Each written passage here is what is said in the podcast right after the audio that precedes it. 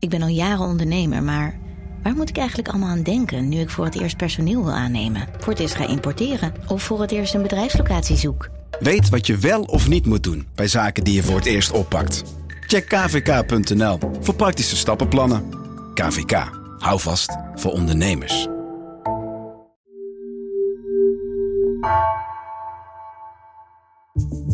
Vanaf de redactie van NRC het verhaal van vandaag. Mijn naam is Egbert Kalsen.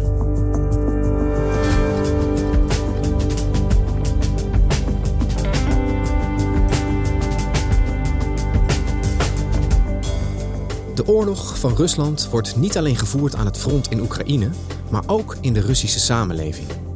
En vooral vrouwen zijn daar de dupe van. Verslaggever Eva Kukier ziet hoe de anti-westerse propagandamachine van Poetin zich tegen de vrouwenrechten en het feminisme keert. Waarom worden Russische vrouwen tot zondebok gemaakt?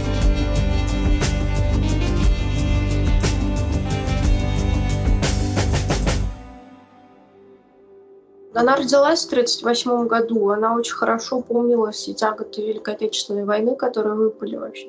Je hoort hier Anna, een jonge Russische vrouw die herinneringen ophaalt aan haar oma.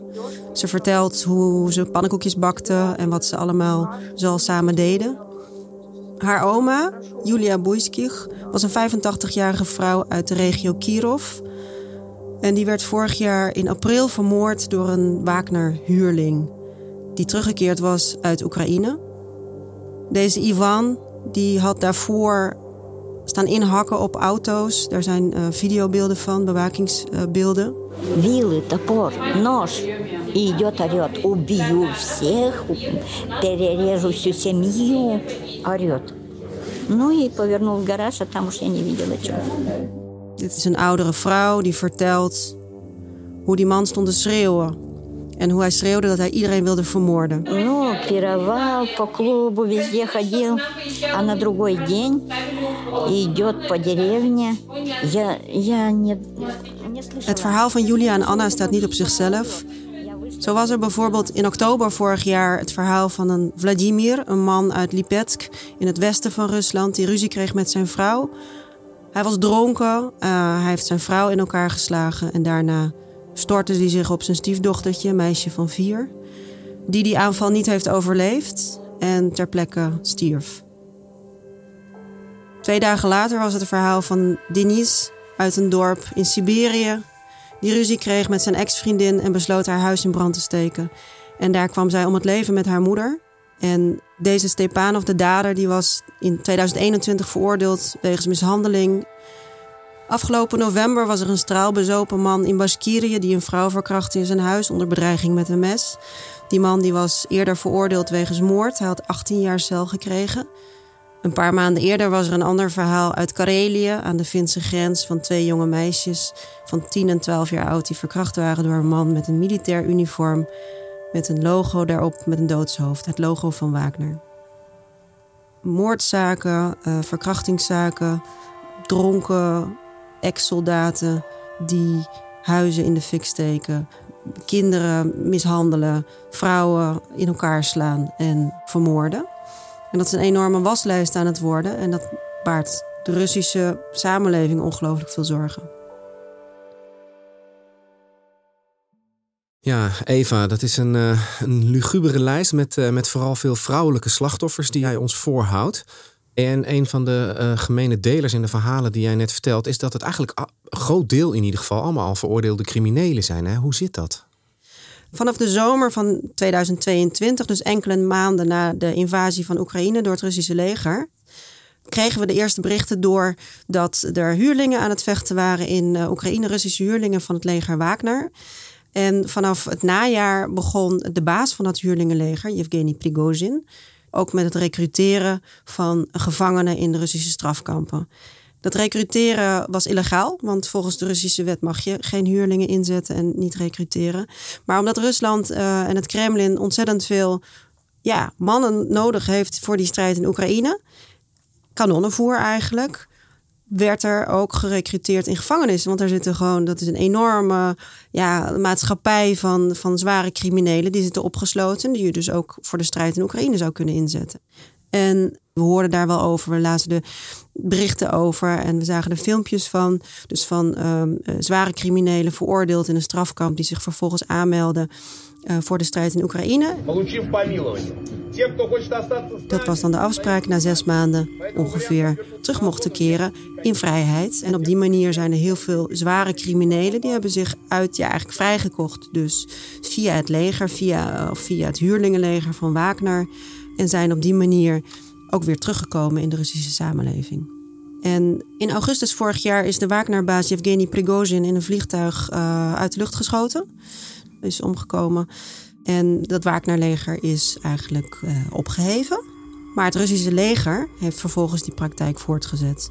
Dus het Russische leger, en dat is nog niet zo heel erg bekend, recruteert nog altijd in Russische gevangenissen zware criminelen voor de strijd in Oekraïne, die zich op die manier uh, hopen vrij te kopen.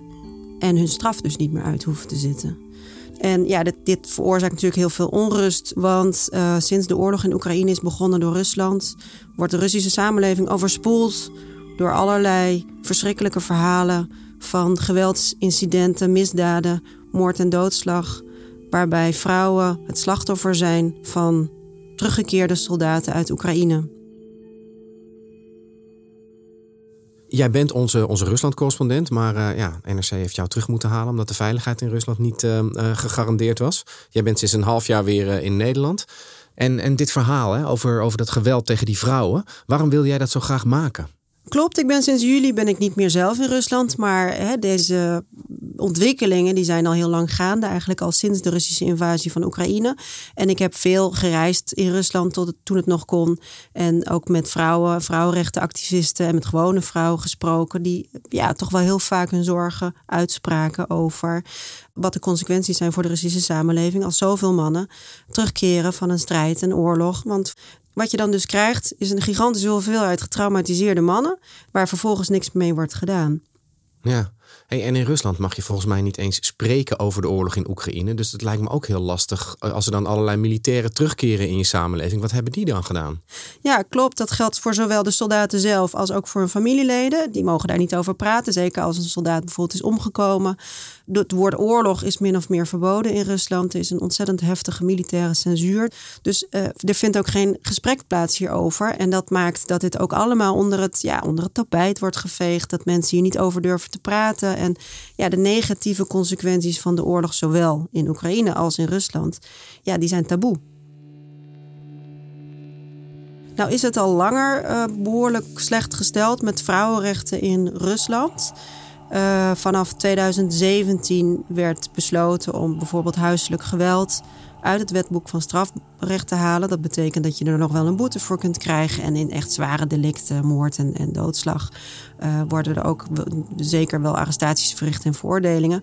Maar uh, licht geweld en geweld binnen in de huiselijke kring um, wordt bijna niet aangepakt. En nu zie je dat ook uh, anticonceptie en het recht op abortus ingeperkt worden. De orthodoxe kerk kwam vorig jaar al met een voorstel daartoe. En de minister van Gezondheidszorg in Rusland heeft dat overgenomen. Uh, waarbij de patriarch Kirill uh, steeds vaker van zich laat horen en zegt van ja, abortus dat is uh, niet goed. Vrouwen die moeten juist meer kinderen krijgen. Следует с горечью отметить, что нередко аборты происходят не от отчаяния перед катастрофической или просто тяжелой жизненной ситуацией.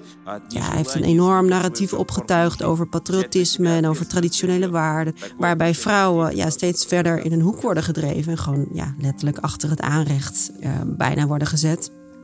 En dat is eigenlijk wel opmerkelijk in Rusland, want Russische vrouwen zijn juist behoorlijk geëmancipeerd. En dat gaat terug helemaal naar het begin van de Sovjet-Unie, 1917, de revolutie, waar um, de emancipatie van vrouwen een hele belangrijke prioriteit was omdat uh, dat land geïndustrialiseerd moest worden.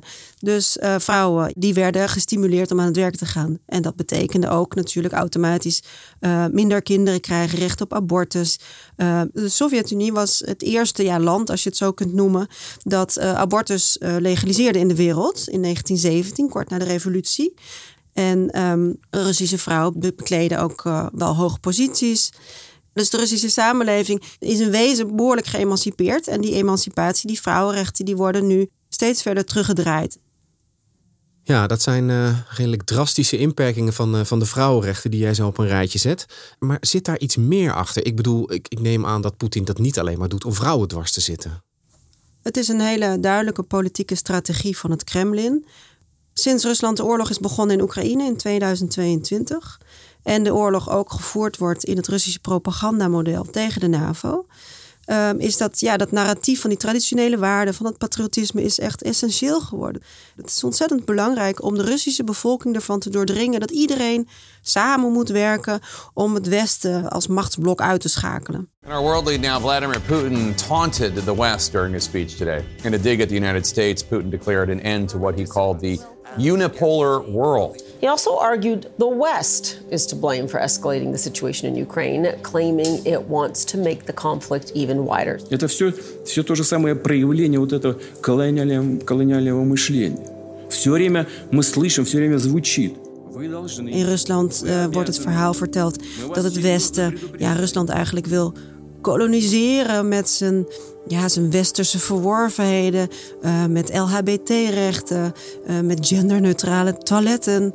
Uh, dat dat allemaal gericht is om ja, de grote Russische maatschappij, het grote Russische volk uh, op zijn knieën te dwingen. En ook om het volk kapot te maken, het Russische volk. Dus daarvoor exporteert het Westen LHBT-rechten en ook hè, vrouwenemancipatie naar Rusland. Dat is een beetje in grote lijnen het propagandaverhaal.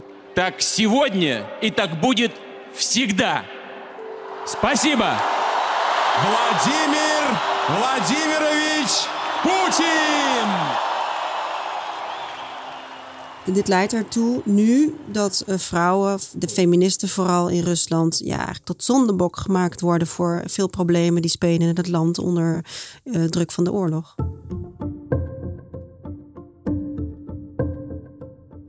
Ja, dat is toch uh, redelijk schaamteloos dat als je als vrouw opkomt voor je eigen rechten, dat je een soort vijand van je eigen land bent en tot zondebok wordt gemaakt door de regering.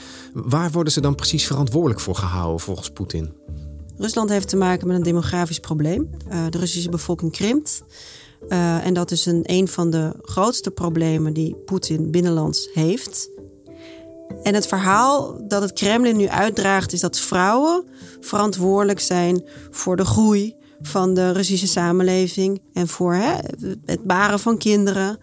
En dat uh, abortus een van de obstakels is om dat doel te bereiken.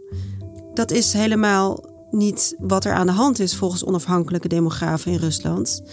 Als je teruggaat naar het eind van de Sovjet-Unie, uh, dus uh, begin jaren negentig, toen was er een periode van enorme chaos.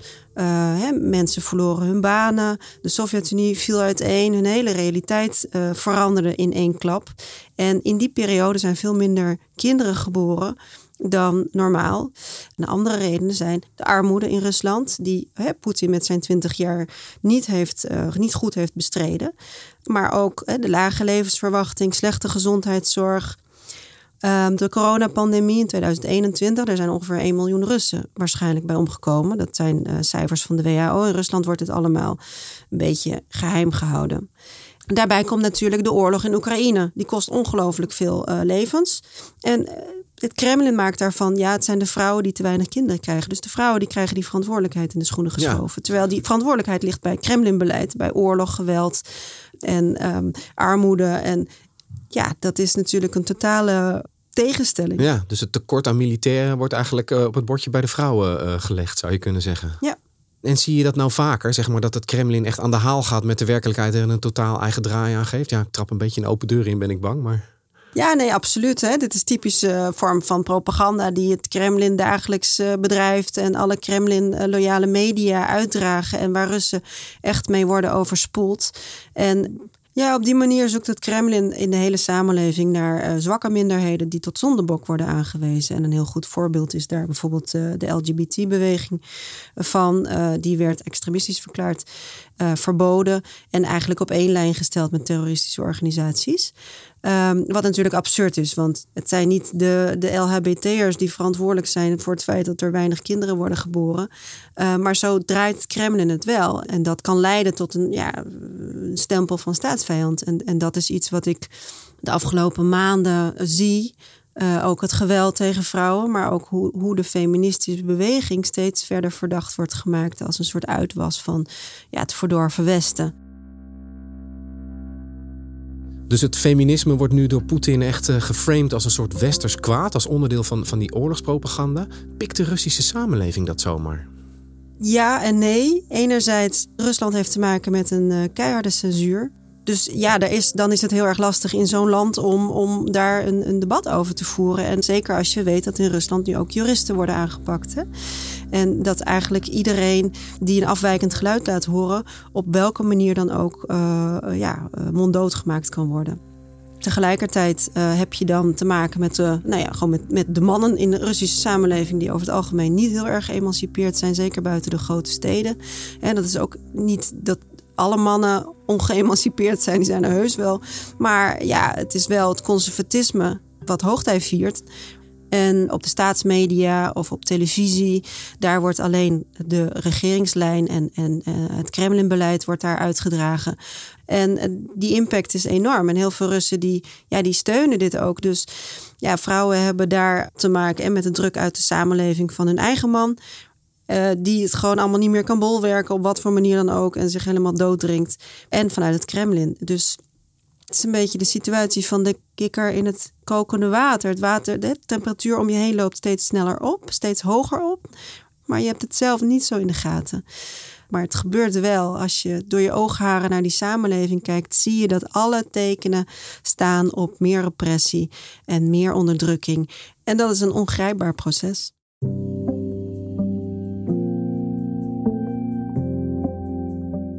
Ja, en uh, over anderhalve maand zo'n beetje zijn er, uh, zijn er weer verkiezingen in Rusland. Nou, uh, Poetin doet weer mee en die zal ongetwijfeld deze verkiezingen weer gaan winnen. Waarmee hij het land eigenlijk nog langer in die, in die wurggreep gaat houden. Mag je denk ik wel van uitgaan. Wat betekent dat nou voor zo'n debat over vrouwenrechten, denk jij? Dat betekent dat wij nog zeker zes jaar uh, en waarschijnlijk nog veel langer uh, Poetin aan de macht hebben in Rusland. Dat is niet alleen catastrofaal voor Oekraïne, maar ook voor Europa en voor de veiligheid in de wereld. Maar ook uh, betekent dat, tenminste zo zie ik het wel, dat de, dat de samenleving in Rusland verder en verder en verder isoleert. Het is natuurlijk al heel erg afgesloten, ook door de sancties, ook door het feit dat er nog maar heel weinig journalisten actief zijn. Dat we gewoon steeds minder goed weten wat er in die samenleving gebeurt. En wat je ziet nu in, in Rusland is ja, een terugkeer van totalitaire reflexen. Dat land glijdt dus terug naar een soort uh, verleden, een soort zelfgefabriceerd verleden, um, wat helemaal niet correspondeert met de werkelijkheid. En dat heeft heel veel impact op de Russische samenleving en daarmee ook op onze, ja, op onze situatie. Want uh, binnenland-buitenlandpolitiek in Rusland is met elkaar zo nauw verknoopt en verweven, ook door de propaganda, dat ja, je moet hier kennis van nemen. Deze verhalen moeten verteld worden. En die Russische vrouwen zelf, ik bedoel, verzetten die zich tegen deze trend? Laten die van zich horen op de een of andere manier?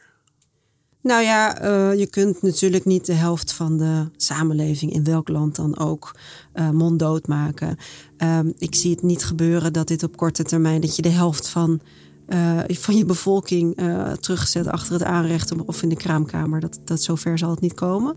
Maar als je dit soort dingen hoort zeggen door de patriarch, door de president, door allerlei ministers, allemaal mannen die beter weten dan de rest hoe het land eruit moet zien, dan kun je er wel vergif op nemen dat die wetten er op een gegeven moment komen. Want uh, in Rusland is er echt sprake van een glijdende schaal. En ik sluit absoluut niet uit dat uh, onder invloed van de oorlog en uh, de repressie in Rusland, zowel abortusrechten, het recht op voortplanting en hoe je dat zelf inricht, maar ook ja, het, de hele feministische beweging op een dag verboden zullen worden. Dankjewel, Eva. Dankjewel, Egbert.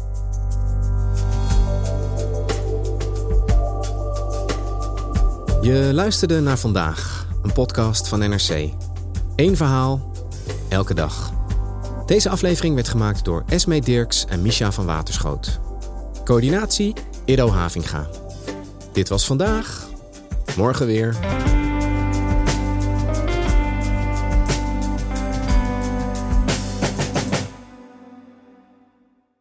Technologie lijkt tegenwoordig het antwoord op iedere uitdaging. Bij PwC zien we dit anders. Als we de potentie van technologie willen benutten, kunnen we niet zonder een menselijk perspectief. Human-led, tech-powered noemen we dat. Ga naar pwc.nl.